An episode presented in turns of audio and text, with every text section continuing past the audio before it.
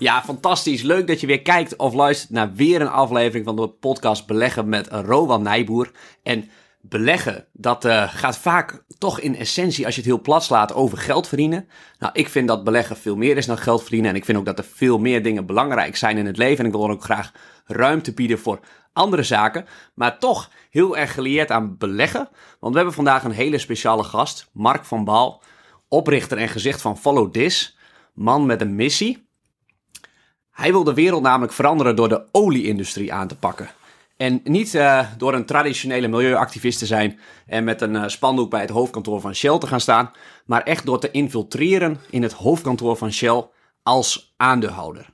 Mark, welkom. Kun je iets vertellen over wat jullie met Follow This doen en willen bereiken? Ja, goeiedag uh, Rowan. Um, ja, de missie van Follow This is te zorgen dat de olieindustrie niet meer investeert in het zoeken naar nog meer olie en gas, maar al zijn investeringen verschuift naar hernieuwbare energie, omdat wij ervan overtuigd zijn dat de olieindustrie het klimaatakkoord van Parijs kan maken of breken. Nou, op dit moment willen ze allemaal nog groeien in olie en gas. En ik denk, wij denken dat de olieindustrie uh, de brains en de billions en ook de wereldwijde macht heeft om, uh, om die energietransitie in een versnelling te brengen. En dat willen we bereiken via de aandeelhouders. We denken dat de olieindustrie alleen verandert als de aandeelhouders uh, voldoende druk uitoefenen op de besturen van die bedrijven. En dat doen we via aandeelhoudersresoluties. Ja, en ik, ik, heb, zoveel vragen aan je. Ik ben zo benieuwd of bijvoorbeeld of het rendement en uh, aan dit soort zaken bijvoorbeeld ook of de hand, hand in hand gaat. Wat je überhaupt vindt van uh, duurzaam beleggen. Maar eerst, je zegt al, we doen het via resoluties. Die, zeg je, die zet je denk ik op de aandeelhoudersvergadering. Um, ja. Maar misschien als je het hebt over duurzaam beleggen in het algemeen, dan denk je, ik moet juist geen aandeel Shell kopen. Ik moet dat niet supporten. Dus jij gaat eigenlijk de tegenovergestelde weg om. En waarom is, is, is dat volgens jou de manier om uh, veranderingen aan te brengen?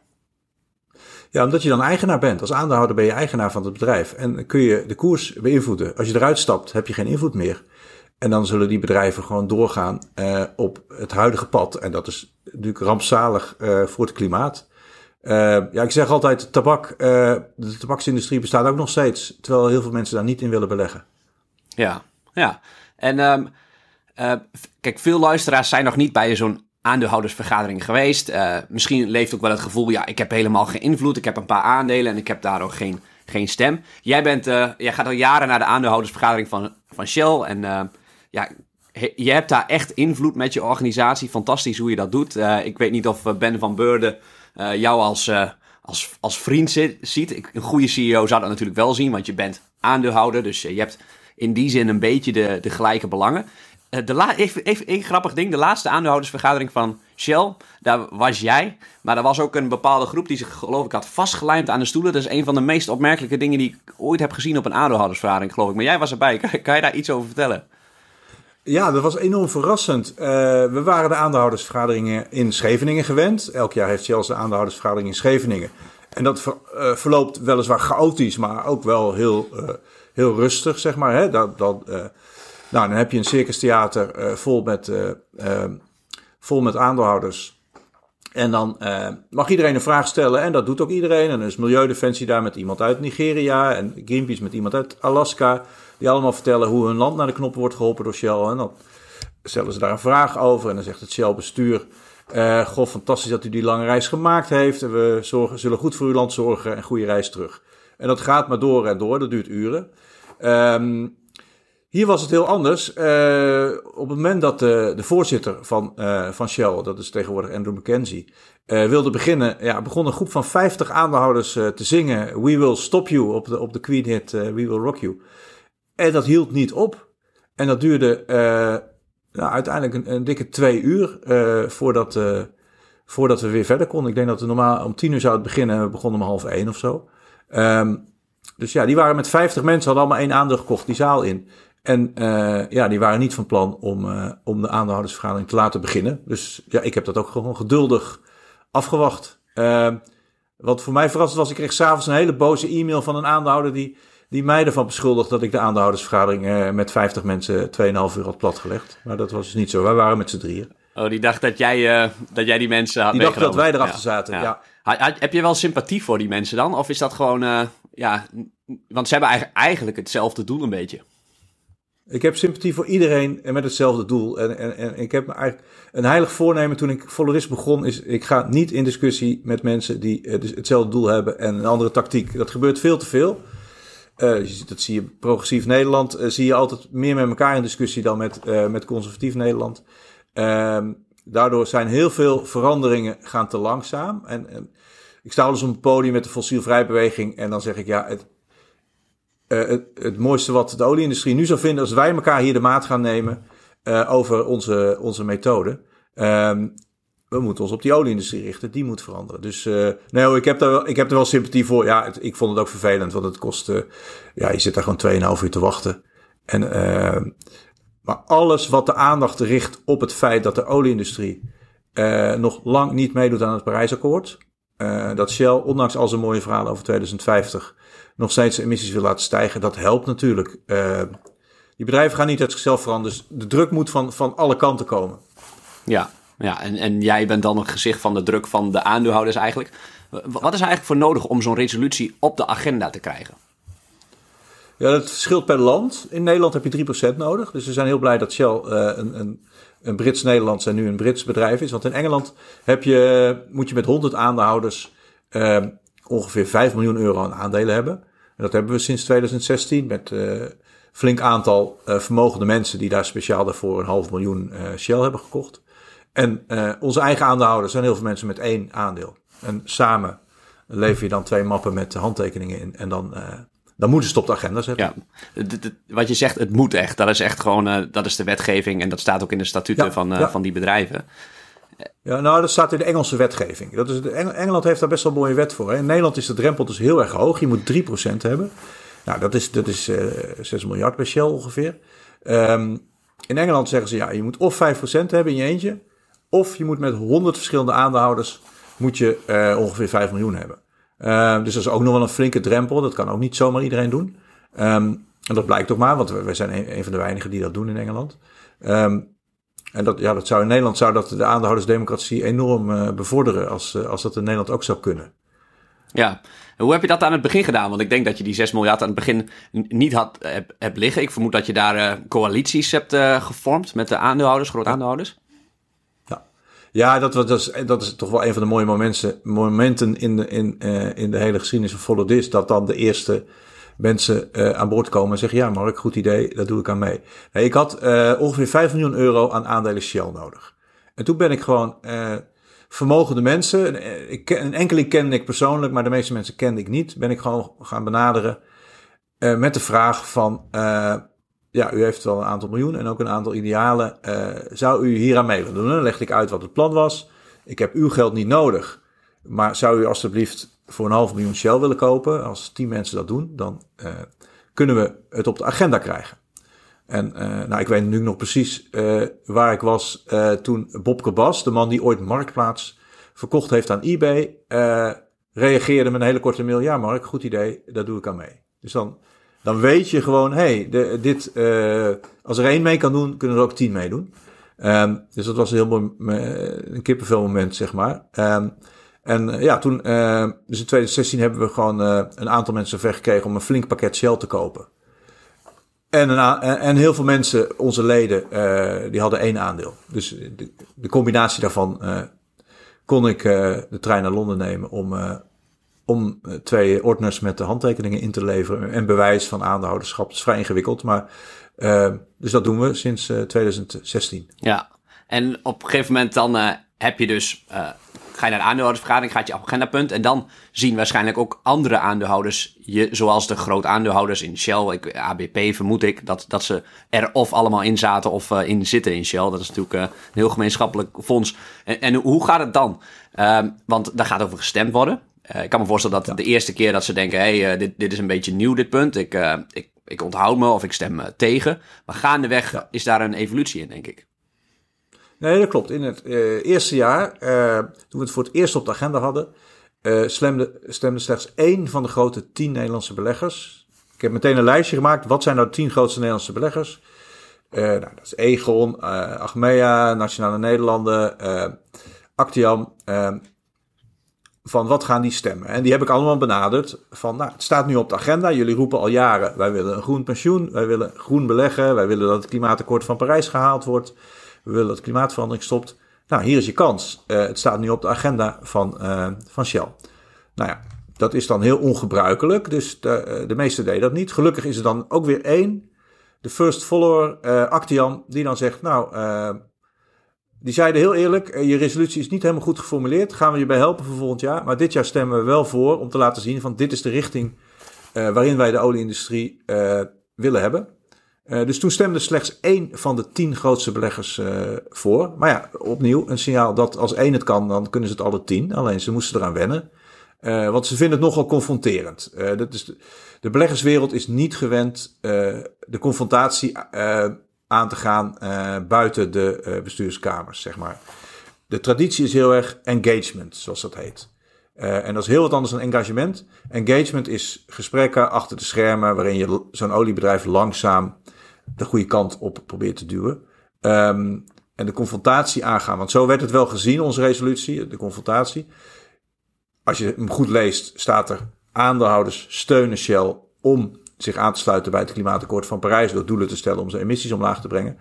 Um, maar dat zag Shell heel erg als een aanval. Dus die gingen naar een beleggers toe van ja, als je, je moet ons steunen door tegen deze resolutie te stemmen. Um, nou ja, dat zijn ze dan uh, gewend om gewoon met het bestuur mee te stemmen. Uh, dus dat, dat deden de meesten. Nou, gelukkig eentje niet. En jaar in jaar uit werden dat er meer. Ja, en, uh, en wat voor percentage zit je dan nu die, uh, die, die, die voor jullie voorstellen stemmen? En wat zijn ook de gevolgen van als dat. Um, even voor de luisteraar, we, we, weten, we weten eigenlijk niet. Wat is het gevolg? Moeten ze dan als uh, een meerderheid stemt dat gaan uitvoeren? Of is dat nog niet bindend? het is nog niet bindend. Het is, het is pas bindend bij 75 procent. maar daar gaat het niet zozeer om. Het gaat erom dat je gewoon laat zien, dat je heel zichtbaar maakt. Dat is eigenlijk het enige wat wij doen zichtbaar maken dat aandeelhouders verandering willen. Tot wij die resoluties gingen indienen, kon zo'n bedrijf zich heel makkelijk verschuilen achter het verhaal. Ja, we, we praten uh, met al onze aandeelhouders en uh, iedereen is tevreden met de, de, kleine stapjes die we zetten. En, dus onze aandeelhouders zijn tevreden. Um, en we kunnen niet veranderen, want dat willen onze aandeelhouders niet. Die willen dat we doorgaan met olie en gas. En wij lieten gewoon zien, eerste jaar 3%, tweede jaar 6% wil verandering. En dat klinkt heel weinig, 3 en 6 procent. Maar dan, als je naar alle andere, alle andere resoluties kijkt, die door het bedrijf zelf op de agenda worden gezet. Dat gaat over herbenoemingen van bestuursleden, over het goedkeuren van de jaarcijfers. Uh, die krijgen allemaal 99% van de stem. Dus normaal gesproken stemt 99% met het, braaf met het bestuur mee. Als dan 3%, 6% uh, tegen het bestuursadvies instemt, dan uh, is dat een, een, toch wel duidelijk signaal aan het bedrijf van er moet wat gebeuren. En daar heeft Shell ook op gereageerd in 2017. En uh, hoe hebben ze daarop gereageerd? In 2017, eind 2017, uh, toen hebben ze als eerste oliebedrijf ter wereld, hebben ze verantwoordelijkheid genomen voor de uitstoot van hun producten. Dat is echt een, een hele grote stap voor een olie, oliebedrijf. Tot die tijd, en, en dat zeggen nog steeds een aantal oliebedrijven, uh, was de positie van de olieindustrie. Ja, wij kunnen best onze eigen emissies en eventueel de emissies van onze leveranciers. Dat, dat heet dan officieel scope 1 en scope 2. Ja, ik praat daar hele dagen over met, uh, met oliebedrijven. Uh, scope 1 en 2 is je eigen emissies. Daar heb je dus zelf invloed op. En ja, scope 3, dat zijn de emissies van onze klanten. Dat is wat er gebeurt als onze producten gebruikt worden. Daar hebben wij geen invloed op. Um, maar ja, in het geval van de olieindustrie is dat 90% van de impact. Uh, dus dat was de eerste discussie die we moesten voeren met Shell en later ook met andere oliebedrijven. Iedereen reageerde op onze resolutie. Die, ja, ik zal hem nog even heel uitgebreid neerzetten. Shell dus support the company to set targets that are aligned with the Paris Climate Agreement. And the targets should cover all emissions. En dat is scope 1, 2 en 3. Um, ehm, dus ook de emissies van je product. Dat is 90% van je impact als uh, olie- en gasbedrijf. Nou, Shell zei in 2016 en 17 uh, eh, unwise, unreasonable uh, om ons te vragen om daarvoor verantwoordelijkheid te nemen. Want ja, dat, is, uh, dat doen onze klanten. Daar hebben wij geen verantwoordelijkheid over. Nou, doordat 6%, en dat was intussen in 2018, 2017 de helft van de grote Nederlandse beleggers. Dus MN was aan boord gekomen, Achmea, dus Actian was er al wel bij. Van Landschot Kempen en, en, en Blue Sky. Die stemden voor. in totaal 6%. Nou, dat was voor Shell voldoende om te zeggen: oké, dan nemen we die verantwoordelijkheid. Dan gaan we doelen stellen voor scope 3. Nou, die doelen waren voor 2050. en in 2050 zouden ze hun scope 3 gaan halveren. Nou, dat is volstrekt onvoldoende om, om ook maar enige kans om Parijs enige kans te maken om Parijs te halen. Maar het was wel een hele cruciale stap. Daarmee hebben ze wel het voorbeeld gegeven aan de rest van de olieindustrie. Van ja, het kan dus wel. Uh, dus met 6% kun je al best wel veel invloed, uh, invloed hebben. Ja. En sindsdien is eigenlijk jaar in jaar uit zetten, op, zetten wij het op de agenda. En zegt Shell, het is onnodig wat jullie vragen, want wij zijn al in lijn met Parijs. En elk jaar zetten ze, uh, maken ze weer een kleine aanpassing op, op, uh, op hun doelen op een klimaatdoel en zeggen ja, nu is die echt onnodig. En toch gaan steeds meer beleggers uh, voor die resolutie stemmen. En vorig jaar haalden we zelfs 30%. Dat, dat is natuurlijk ongekend veel als je nogmaals in oogschouw neemt dat alle andere resoluties 99% met het bestuur meestemt. Dus als 30% zegt, bestuur, dit is niet goed wat jullie doen. Je moet echt uh, je beleid aanpassen. Ja, dan is dat een heel sterk uh, signaal. Ja. Maar om het echt juridisch binnen te krijgen, moeten we naar 75%. Wat ik denk, we moeten naar een meerderheid. Waardoor het duidelijk is van, oké, de meerderheid van de aandeelhouders wil echt verandering. En als ze het dan nog niet gaan doen, ja, dan zullen die aandeelhouders echt uh, nog grotere stappen moeten nemen. En uh, nog harder de confrontatie aan moeten gaan. En tegen een bestuur moeten gaan stemmen. Maar dat is, dat is echt de volgende stap in de escalatieladder, zoals beleggers het noemen. Ja, oh ja. Ja, en Mark, Shell die zegt dus eigenlijk, ja, we willen, we willen niet helemaal meedoen aan het klimaatakkoord van Parijs. En we hadden het net ook over de engagement, de rol met de groot aandeelhouders en het bestuur. Ja, ik, vind het, ik vind het altijd een beetje vaag, want het zijn ook allemaal vaders en moeders met kinderen en eventueel kleinkinderen die ook een betere wereld willen, denk ik. Waar, waarom is het zo moeilijk en waarom gaat, het, uh, gaat verandering zo langzaam daarin, in die, in die wereld? Ja, daar heb ik mijn hoofd natuurlijk over gebroken. Uh, hoe kan het nou dat, uh, dat die besturen van die grote oliebedrijven niet zien wat de rest van de wereld wel ziet. Dat er een klimaatcrisis is. Dat de enige manier om die klimaatcrisis op te lossen is dat uh, de olieindustrie, die, de fossiele industrie, is, is, verantwoordelijk voor meer dan de helft van de uitstoot. Dus die moeten radicaal veranderen. Um, uh, en dat dat ook een enorme uh, kans is voor het bedrijf, omdat er gewoon een nieuwe technologie is die steeds goedkoper wordt. Hè. Ik heb natuurlijk Hiervoor was ik journalist en dan schreef ik vaak op: als jullie niet veranderen, worden jullie het Kodak van de 21ste eeuw. Uh, Kodak had digitale fotografie zelf uitgevonden, durfde het niet naar de bank te brengen en ging failliet. Duurde wel 30 jaar. Um, dus hoe komt dat nou? Ja, uh, daar heb ik mijn hoofd over gebroken. Mijn beste verklaring is dat als je gewoon 30 jaar lang heel succesvol bent in olie en gas. En dan eindelijk die top van die piramide hebt bereikt. Uh, dat dan een ander businessmodel ver buiten je voorstellingsvermogen ligt. Um, dus dat je gewoon niet kan voorstellen dat de wereld zonder olie en gas kan. Of in ieder geval uh, dat de wereld uh, over, over tien jaar uh, op de helft van de olie en gas van vandaag kan draaien. En wat natuurlijk heel erg meehelpt om die gedachte vast te houden, is dat er natuurlijk belachelijk veel geld wordt verdiend in de olieindustrie. De olieprijs is weer boven de 100 dollar nu. ja, het is natuurlijk een fantastisch businessmodel. Hè? Ehm, turning hydrocarbons into petrodollars. Het is hele ingewikkelde technieken, maar het businessmodel is natuurlijk heel simpel. Olie en gas uit de grond halen en het verkopen. Uh, en hoe hoger de olieprijs, hoe hoger de winsten. Um, dus uh, ja, ik snap wel dat zij zelf dat zij niet willen veranderen. De, en en uh, of ze, natuurlijk praten we heel veel met die oliebedrijven, maar ik heb niet meer de illusie dat er een CEO van een oliebedrijf ook een een emotioneel gesprek met een van zijn kinderen heeft en een slapeloze nacht en dat hij het licht gaat zien. Uh, daar kunnen we ook niet op wachten op een openbaring. Uh, daarvoor is klimaatverandering uh, te urgent. Dus ja, het is aan de beleggers. Dat is onze enige hoop dat dat klimaatakkoord van Parijs gehaald wordt. Dat we, dat we klimaatverandering nog enigszins binnen de perk houden. Laten we ook niet vergeten dat het al het probleem al 30 jaar bekend is en dat de olieindustrie al 30 jaar op de rem staat. Dus ze moeten nu heel snel veranderen. Dat is hun klacht nu. Ja, we moeten te snel veranderen. Ja, eh, als we een langzame transitie hadden, als je een langzame transitie had gewild, had je gewoon lekker in de jaren tachtig kunnen beginnen toen je er vanaf wist. Toen hebben ze ervoor gekozen om klimaatverandering.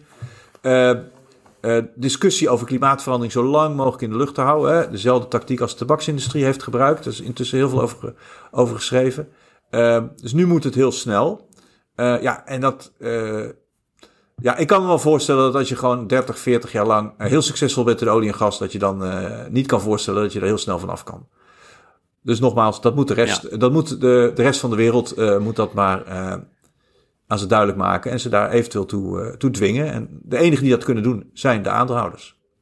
Ja, en speelt dan ook nog mee dat veel, um, ja, dit, dit, is mijn voeden, maar Anglo-Saxische aandeelhouders er vooral voor de poen in zitten. En, en dus misschien wel voor het gevoel misschien niet moeten meestemmen met jouw resoluties, omdat ze denken dat die investeringen die dan nodig zijn in die duurzame vormen van energieopwekking, dat dat gewoon niet rendabel is. Ja, dat wordt ze natuurlijk heel erg aangepraat door uh, de olie- en gasindustrie van ja, we zien de businessmodellen niet. Ja, Kodak zag de businessmodellen ook niet in digitale fotografie en toch zijn ze er gekomen. Uh, bij een transitie is het gewoon heel belangrijk om je te realiseren dat de technologie nooit het probleem is. De technologie is er, die wordt steeds goedkoper. Alleen welke businessmodellen horen daarbij, dat weten we nog niet. Dus we weten dat we uh, dat, dat de wereldeconomie kan gewoon makkelijk op zonne- en uh, zonne-energie en windenergie draaien. En, en alle andere vormen van duurzame energie. De zon levert binnen een uur genoeg energie om de wereldeconomie een jaar te laten draaien. Dus dat is, dat is geen enkel probleem. Het wordt ook nog goedkoper. Alleen, er horen andere businessmodellen bij. En die weten we nog niet precies. Uh, en dat wordt, wordt uitproberen. Net zoals als je nu af en toe naar olie en gas boort en het, uh, en, en het mis is en dan een paar miljard kwijt bent, uh, zul je ook wel eens een businessmodel in de markt zetten wat niet succesvol wordt. Ja, dat hoort bij een transitie. dus daarvoor moet je risico nemen. Um, ja, en die Anglo-Saxische beleggers, ik denk niet dat, die, dat daar het probleem in zit. Want die ligt er alleen aan of je een lange of een korte termijn belegger bent. Um, als je naar de korte termijn kijkt, ja, natuurlijk wil je dan zoveel mogelijk uh, geld met olie en gas uh, verdienen. Maar als je naar de lange termijn kijkt, ook de Anglo-Saxische belegger snapt dat klimaatverandering gewoon een hele grote bedreiging is uh, voor al zijn beleggingen. En dat is ook de reden dat wij steeds meer aanhang en steun krijgen. het zijn moreel gedreven mensen hoor, die, die klimaatverandering willen stoppen. Maar ze hebben de financiële argumenten aan hun kant. Omdat ze snappen dat als klimaatverandering uit de hand loopt, dat al hun beleggingen in gevaar, uh, gevaar zijn. Stel je voor, je bent een pensioenfonds. En je bent belegd in olie en gas, maar je, bent ook uh, je hebt ook veel beleggingen in, in vastgoed en in uh, landbouw. Nou, je weet dat als de olie- en gasindustrie zo doorgaat, dat de gebieden waar je vastgoed hebt, dat die onder water komen te staan. Worden waardeloos dat uh, jouw landbouwbeleggingen uh, waardeloos uh, kunnen worden door, door ek, extreem weer. Dat verzekeringsmaatschappijen veel meer zullen moeten gaan uitkeren door extreem weer. Dus alle financiële gevolgen van klimaatverandering zijn vele malen groter dan het geld dat er nog te verdienen valt in de, in de olie- en gasindustrie. En dat is waarom beleggers die naar de lange termijn kijken, die dus naar de komende 10, 20 jaar kijken en niet naar het volgende kwartaal, voor dit soort resoluties gaan stemmen. Dus geen morele beslissing, dus een financiële beslissing. Maar daarvoor moet je wel naar de lange termijn kijken. En dan kan je maar beter die Anglo-Saxische belegger hebben. Uh, dan dat zogenaamde fantastische Nederlandse poldermodel. Uh, ja, als ik, ik kan natuurlijk alleen voor de olie- en gasindustrie spreken, maar wat ik, en wat ik bij Shell heb gezien. Het Nederlandse model is heel erg uh, van uh, iedereen, het poldermodel. Iedereen mag meepraten. Uiteindelijk nemen wij de beslissing, het bestuur. In, in Engeland heb je tenminste nog de belegger die uh, meer invloed uh, heeft. Ik weet niet of we er nog aan toe ja. zullen komen. Dat is ook de reden dat Shell uh, naar Engeland is gegaan. Dat, Nederland, dat Shell in eerste instantie heel graag naar Nederland wilde. Omdat daar de aandeelhouders veel minder invloed hebben. Dat is de reden dat Unilever naar Nederland wilde. En de, daardoor de dividendbelasting afgeschaft wilde hebben. want in, in, in het Nederlandse model hebben aandeelhouders heel weinig te vertellen. In het Engelse model veel meer. Nou, daar moeten we het nu van hebben. Ah, dat is niet wat in de publieke opinie leeft. Dat het leven voor het Shell-bestuur eigenlijk veel makkelijker is in Nederland. En dat ze het misschien daardoor veel liever daar willen, omdat ze veel minder externe druk krijgen van aandeelhouders. Nou, dat is, dat is, absoluut, dat is de reden, dat is, dat is de enige reden dat uh, Shell en Unilever de dividendbelasting afgeschaft wilden hebben. Ze waren allebei een Brits-Nederlands bedrijf. Um, en ze wilden allebei een hoofdkantoor in Nederland zetten, omdat ze dan lekker um, uh, in de luwte zouden zitten. Dat ze dan veel minder last van hun aandeelhouders uh, zouden hebben.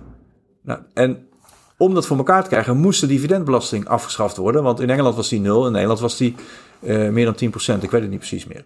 Um, Maakte overigens voor de aandeelhouders niks uit, want als aandeelhouder kon je altijd kiezen wat voor soort aandeel je wilde. Het was al echt een beslissing om het leven van het bestuur uh, makkelijker te maken.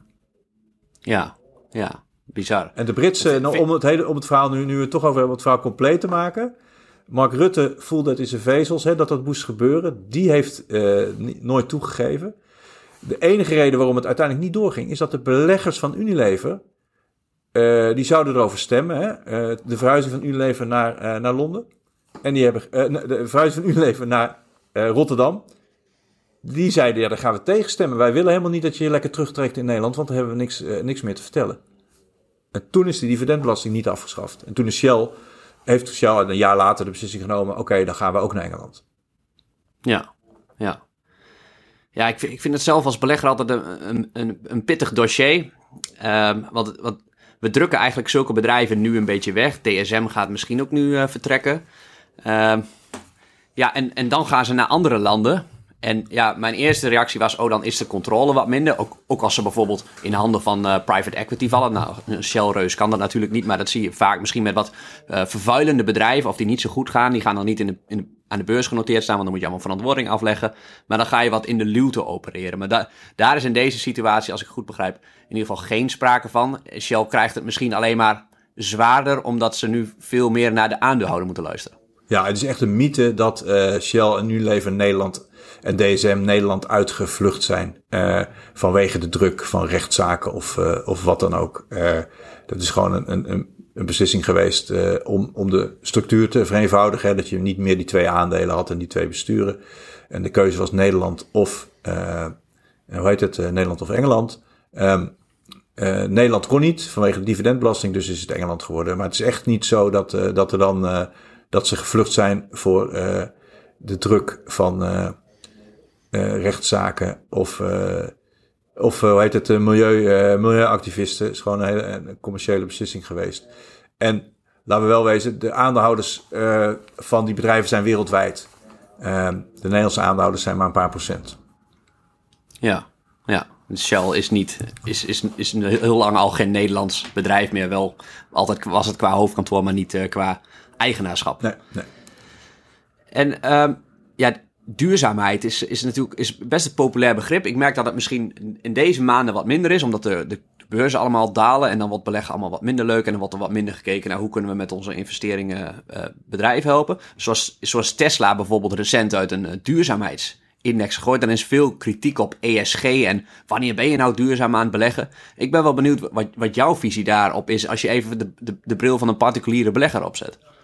Ja, kijk, ik ben heel gefocust natuurlijk op uh, emissies. Uh, omdat ik me op de, op de olie, olie- en gasindustrie richt.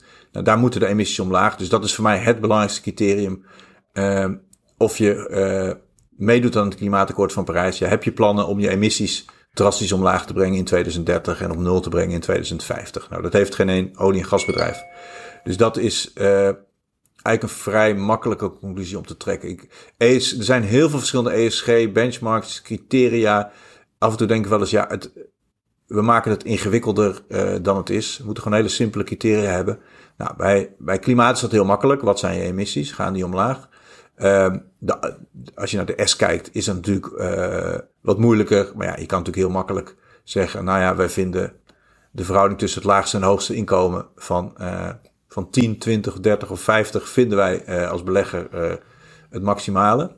Uh, dus ook daar kun je vrij makkelijke criteria opstellen. Of ik, we vinden dat, dat er geen kinderarbeid in onze producten mag zitten. Dus het wordt soms ingewikkelder gemaakt dan het is. En wat ik ook het nadeel van al die benchmarks vind, dat het altijd sectorspecifiek is. Dus je kan ook gewoon het meest duurzame tabaksbedrijf zijn. En je kan ook uh, het meest klimaatvriendelijke, uh, de meest klimaatvriendelijke vliegmaatschappij zijn.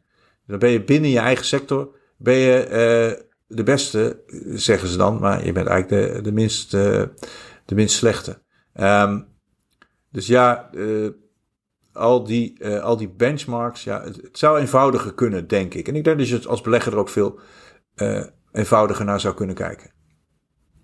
Wat is dan zo'n uh, eenvoudigere blik? Nou, in de olie, uh, zeg maar, als je het over, over energie hebt, kun je gewoon puur naar emissies kijken. Zijn er genoeg is het doel om de emissies te halveren in 2030. Dat kan je eigenlijk bij elk bedrijf kun je dat wel als criterium aanleggen. Hè. De, om het Parijsakkoord te halen moeten we ongeveer, nou moeten we in 2050 op nul zitten. Maar dat is eigenlijk een totaal irrelevante discussie als je niet in 2030 halveert. Dat is ongeveer wat, wat de IPCC en, en alle andere rapporten vragen. Dus ja, dat kun je van ieder bedrijf, kun je gewoon zeggen, ja, wat is je plan om je emissies te halveren in de komende tien jaar? Dus dat is een hele makkelijke. En dan uh, voor de andere uh, criteria van ESG moet ik echt hardop gaan zitten denken. Zoals wat, wat ik net deed met, met uh, wat, wat, wat vind je uh, redelijk wat betreft het verschil tussen salaris van de top man of vrouw en, en het laagste salaris in je bedrijf. Um, hoe heb je diversiteit geregeld? Ook dat kun je natuurlijk heel makkelijk vastleggen. Dus je kan er wel naar kijken, maar er moet veel meer, veel meer transparantie zijn. Ja. Ja, dat is wel iets waar, waarom we deze podcast ook zijn begonnen eh, de, twee jaar geleden. Dat de financiële industrie, als er dan in. Er is een goede intentie, ESG eh, beleggen. Maar dat wordt dan door de financiële industrie weer zo complex gemaakt dat het voor een particuliere belegger niet meer te overzien is. Wanneer beleg ik nou duurzaam? Je kan een duurzaam indexfonds kopen. En als je dan gaat kijken welke bedrijven daarin zitten, wat jij eigenlijk al zegt. Ja, dan schrik je je kapot. En dan kan, kan een Shell er bijvoorbeeld ook in zitten. En het is ook logisch, want die hebben een hele afdeling om te onderzoeken wat, waar ze aan moeten voldoen. Om in dat duurzaamheidsmandje te komen. Dus die kunnen dat veel beter dan ja. een, een, een, wat kleiner bedrijf. Dus uh, nou ja, maar dat is, uh, dat is de wereld ook een beetje. Mooi dat jij ook strijdt voor een betere, betere wereld daarin. Uh, ik, ik heb nog een vraag. In, in deze zware beurstijden voor veel mensen, nou, op de lange termijn is het een rimpeling, dat denk ik. Maar speelt dat nog mee dat daar minder aandacht is voor duurzaamheid? Krijg je op deze aandeelhoudersvergadering bijvoorbeeld wat, wat minder aandeelhouders mee? Eh, ja, dat klopt. We hebben minder aandeelhouders meegekregen. Eigenlijk bij alle oliebedrijven. Maar bij Shell was het het opvallendst. Vorig jaar 30 procent. Uh, dit jaar 20 procent. Dus dat is een behoorlijke terugval. Um, ik denk dat het juist daar andersom is. Dat juist omdat het zo goed gaat met de, de, de aandelen in de fossiele industrie. dat klimaat even op de, tweede, op de tweede plek is gezet dus dat heel veel beleggers nu Shell het voordeel van de twijfel geven, omdat er zo lekker geld wordt verdiend. Dat, dat krijg je heel erg het gevoel als je naar bijvoorbeeld Larry Fink van BlackRock luistert. Vorig jaar stemde die nog bij, op vijf van de zes van onze resoluties. Die om scope 3 vragen, dus die om vragen om emissiereducties voor de producten. Uh, stemde die voor. Uh, dit jaar uh, heeft hij een aantal keer in de media gezegd: nee, ik stem niet meer voor scope 3, want dat vind ik uh, te voorschrijvend, te prescriptive. Uh, ik ben niet de milieupolitie. Um, dus die heeft echt een stap teruggezet in wat hij aan bedrijven vraagt. En dat is eerder te danken aan de hoge, de hoge winsten dan, en, en het feit dat het heel erg goed gaat met aandelen fossiel. Als je Shell een paar jaar geleden had gekocht, kon je het geloof ik voor net iets boven de 10 euro kopen. En ik weet niet eens waar ze nu staan, ergens halverwege de 20. Dus meer dan verdubbeld. Ja. Ja, ja. Ja, dat vind ik van Larry Fink. Uh, uh, is van BlackRock trouwens. Veel mensen zullen het niet kennen, maar dat is weer de eigenaar van iShares. Veel mensen hebben een indexfonds van iShares. Heeft volgens mij uh, in bijna alle beursgenoteerde bedrijven op deze wereld wel een belang van 5%. Ja. Uh, misschien om daar ook zo nog op in te gaan op dat passief beleggen. Maar ik vind het wel een beetje slap. Want uh, die, die hoge winsten voor de olieindustrie, ja, daar hebben ze niks voor gedaan in deze tijden. Die zijn ze gewoon komen aanwaaien. Nee, dat klopt. Dat, uh, maar ja, dat is wel voor een aantal beleggers die toch naar de korte termijn kijken, een reden om ze even rust te gunnen. dat is eigenlijk wat, wat, wat Larry Fink van BlackRock doet. vorig jaar was hij nog heel streng voor ze. toen het ja. niet zo goed ging. En nu het heel erg goed gaat, uh, heeft hij zich toch laten aanpraten dat de energiecrisis als gevolg van de Oekraïne-oorlog, dat die nu even voorrang uh, krijgt boven de klimaatcrisis. Ja, dat is natuurlijk volstrekt verkeerde conclusie, omdat uh, beide crisis, crisis kunnen tegelijkertijd aangepakt worden door die enorme winsten die nu gemaakt worden, door die te investeren in duurzame energie en te zorgen dat we minder afhankelijk worden van gevaarlijke regimes als, als in Rusland. Um, dus de oplossing uit, die, uit de klimaatcrisis is hetzelfde als de oplossing uit de energiecrisis. Overschakelen op, op duurzame energie. Um, maar op korte termijn zal hij heel veel geld terugkrijgen van die oliebedrijven. En daar zit natuurlijk de, het conflict of interest door aandeleninkoop en dividenduitkeringen. Ja. Dus daar is hij. kijk, dat, dat zal nooit hardop gesproken worden, maar dat, dat, dat, is, dat is natuurlijk uh, het achterliggende argument. Um, ja. Ja, ik vond hem juist altijd een beetje een boegbeeld. Want inderdaad, een jaar geleden was hij daar vrij uitgesproken over. Ik dacht, nu gaat er misschien, uh, misschien wat veranderen als zo'n machtig iemand dat zegt. Maar ja, dus hij gaat dus ook eigenlijk even op zijn korte termijn aandeelhouderstoel zitten. Ja. In plaats van uh, dat, dat hij ver vooruit kijkt. Nee, ik, dat, uh, je, je... kan ik nog wat over zeggen. Hoor. Hij stuurt dus elke januari, elke januari stuurt hij zo'n brief naar de CEO's. Van jullie moeten meer aan duurzaamheid doen en aan klimaatverandering. dat doet hij al vijf jaar. En elk jaar, als, als, ik, als mij om een reactie wordt gevraagd door journalisten, zeg ik hetzelfde. nou, Straks is het mei en dan stemt hij weer tegen alle klimaatresoluties. Dus ja, waarom zouden die CEO's zich iets van die brieven aantrekken als, die, als, als uh, hun grootste belegger er ook alleen maar over praat en niks doet? Uh, vorig jaar is hij dan eindelijk voor gaan stemmen. En ik ben heel erg bang dat die oliebedrijven hem hebben kunnen aanpraten van let op uh, Larry, ehm, voor zo'n resolutie stemmen is, is niet alleen greenwashing. als dat de meerderheid krijgt, moeten wij echt radicaal gaan veranderen. volgens mij wil je dat niet. Dus ik denk dat hij daar, kunnen we alleen maar naar gissen, maar dat, dat gevoel krijg ik heel erg bij als ik zijn media optredens zie. Uh, dat, dat hij daar, dat hij vorig jaar nog dacht van nou, uh, greenwashing, prima. En dat hij nu denkt, nee, dit is geen greenwashing, dit is, deze resoluties vragen echt om verandering. En dat wil ik nog even niet, want ik verdien veel te veel met olie en gas. Ah, dat is dus ook een beetje de publieke opinie opzoeken van uh, we willen verandering, maar in werkelijkheid uh, is, is, is dat misschien wat minder omdat toch de poen spreekt. Ja. Um, nou is BlackRock uh, voor een deel natuurlijk actief uh, vermogen, maar een groot deel ook via iShares, ETF's en indexfondsen. Ja. Um, nou kan ik me voorstellen dat ik, ik, ik weet niet of ze daar ook stemmen op die resoluties. Dat dus iShares namens al die ETF-beleggers stemt. Of dat dat soms wel gebeurt en soms niet. Ik weet, ik weet eigenlijk niet precies hoe dat precies zit. Maar ik kan me voorstellen dat de opkomst van passief beleggen, dat dat niet gunstig is om veranderingen teweeg te brengen op de aandeelhoudersvergadering. Omdat een grote groep zich eigenlijk ja, denkt van, uh, ja, ik ga lekker uh, relaxed uh, beleggen in een passief indexfonds. Ja, maar in die passieve indexfondsen moet wel gestemd worden. en dat doet BlackRock ook wel.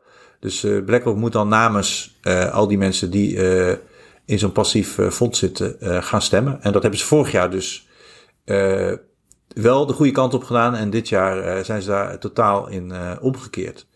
Uh, dus er wordt wel gestemd. Ik heb wel het idee dat er is wel een plan van BlackRock om dat stemmen bij de individuele aandeelhouder neer te leggen. Um, maar ja, welke individuele aandeelhouder gaat stemmen voor al zijn uh, individuele aandelen? Ik denk, dat is natuurlijk ontzettend veel werk. Dus het kan beter gewoon door zo'n grote institutionele belegger gedaan worden. Um, ja. Maar dan moeten we even afwachten hoe dat in de toekomst uh, zich ontwikkelt. Uh, de ik denk dat de meeste particuliere beleggers, maar dat weet jij beter dan ik, denk ik, niet gaan stemmen. Ehm, nee. Nee, ja, en ik weet wel hoe dat komt. Uh, er is een mega toetredingsdrempel. Je moet bijvoorbeeld al uh, via een broker een tientje betalen om naar de aandeelhoudersvergadering te, te moeten. Nou, en uh, dan, moet, dan moet je net maar kunnen. Ja, mensen hebben gewoon een baan, dus dat, dus dat is allemaal helemaal niet aantrekkelijk. En je voelt dan inderdaad dat je daar ook geen nut in hebt. Maar ik kan me voorstellen dat als ze ja, via blockchain technologie, dat ze mensen gewoon een mailtje kunnen sturen. Je bent aandeelhouder. Ja vul, uh, vul deze stemlijst in thuis gewoon. En dan, uh, dan wordt het veel meer uh, gedecentraliseerd en gedemocratiseerd.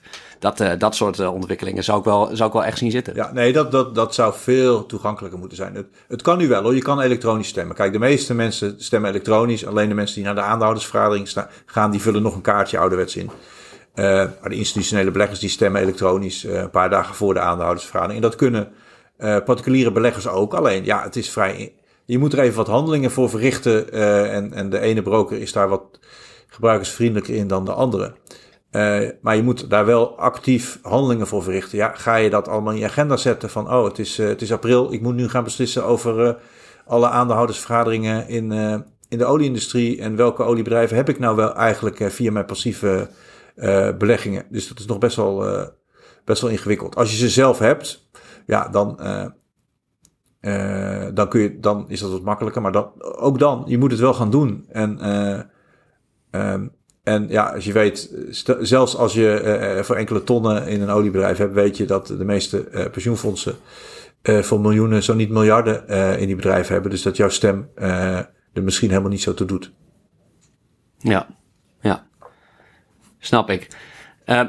Zou je de particuliere belegger die toch duurzaam uh, wil beleggen, nog, nog iets willen meegeven? Uh, ja, kijk goed. Uh, als, je, als je nog wil beleggen in de fossiele industrie, waar wij dus in geloven, zorg dan dat je wel tot die groep aandeelhouders behoort die die fossiele industrie aansporen om te veranderen. Ja, dat kan natuurlijk via Follow This. Dus iedere particuliere belegger kan zijn aandelen bij ons aanmelden. Uh, en dan vertegenwoordigen wij hen op die aandeelhoudersvergadering. En dienen we namens hen zo'n klimaatresolutie in en kunnen ze daarvoor stemmen. Um, mensen die geen aandelen fossiel hebben, die kunnen dan gewoon via onze website een aandeel kopen. En dat houden wij dan in beheer voor ze. Um, ik neem aan dat jouw luisteraars meestal zelf al een beleggingsrekening hebben. Maar goed, je kan, de, de makkelijkste manier is om uh, één symbolisch aandeel uh, op de Volodis website te kopen. En dan regelen wij, uh, regelen wij de rest, zeg maar. Maar je kan het ook in je eigen portefeuille hebben en dan je gewoon bij ons aanmelden. En dan, dan heb je een, zeg maar een groen aandeel, Shell, BP of, of Chevron. en dan zorgen wij dat elk jaar op de agenda staat, stel doelen in lijn met Parijs. En dat daar zoveel mogelijk beleggers voor stemmen en dat er dan verandering komt. Dus dat is wat je kan doen om die fossiele industrie in beweging te krijgen. Ja, en ik denk dat, dat je tegenwoordig ook uh, het heel impactvol is om gewoon je geld te stoppen in uh, bedrijven, die, uh, de bedrijven van de toekomst. die nu al, al hun geld de goede kant op, op laten gaan in richting duurzame energie. Ehm, ja, er zijn genoeg, genoeg beursgenoteerde bedrijven die die omslag al gemaakt hebben. Hè. volgens mij is Ørsted de, voorheen Danish Oil and Natural Gas ja, die heeft die slag al gemaakt in de afgelopen tientallen jaren. Ja, ja. Ja, het kan dus wel. Het kan dus wel. Ja, ja. ja. Oké. Ehm, heb je nog een leuke boekentip uh, over jouw onderwerp voor de luisteraar? Oh, dat is een goede. Uh, laat ik er eens even over nadenken. Nou, um, laat ik gewoon maar mijn klassieke boekentip. nee, ik ga een ander, ander boekentip geven. Loonshot van Savi Bakal. Dat, dat is een, een, boek dat beschrijft welke organisatiestructuur je moet hebben om een bedrijf in transitie te brengen. En dat, daar, is een van de weinige managementboeken, ik heb er niet heel veel gelezen, waar ik echt van onder indruk was. En dacht, ja, dat is een manier om een bedrijf in transitie te brengen. Ik geef het wel eens weg aan, aan bestuurders van, van oliebedrijven. Ik heb hem ook aan, aan Bernard Looney van, van BP gegeven, de CEO van BP. En in, toen ik in de trein naar Londen nam, zei mijn collega: hey, je gaat dus nu een boek Loonshots aan uh, uh, Bernard Looney geven. Uh, dat, die, dat realiseerde ik me pas onderweg. Dat boek beschrijft dus heel goed. Dat, het heet Loonshots omdat het, het is meer dan een moonshot om in transitie te gaan. Ehm, en het gaat erom dat bedrijven gekke ideeën binnen het bedrijf moeten, moeten stimuleren. Oké. We zullen de titel in de show notes zetten, net als, uh, net als je website uh, Follow This. Waar kunnen mensen, als ze jou willen volgen, meer over je vinden? Ja, op onze website natuurlijk. Uh, op LinkedIn kunnen, ze, kunnen ze ons volgen. En door groene aandeelhouder te worden, dan, dan, dan blijf je heel goed op de hoogte van elk, elke stap die wij zetten in de strijd tegen klimaatverandering. In de strijd om, om de olieindustrie op andere gedachten te brengen. Ja, Mark, ontzettend bedankt met en een prachtige missie. En ik wens je daar heel veel succes mee. En ja, ik hoop, ik hoop dat deze podcast je ook wat support geeft. Dat mensen dat ook inzien. Dat je dus als aandeelhouder daadwerkelijk kan zorgen voor verandering. Dat vind ik eigenlijk, een, eigenlijk, is het, eigenlijk is het een heel mooi systeem in de kern. Dat je daarmee verandering kan teweegbrengen. Ik wil je heel erg bedanken.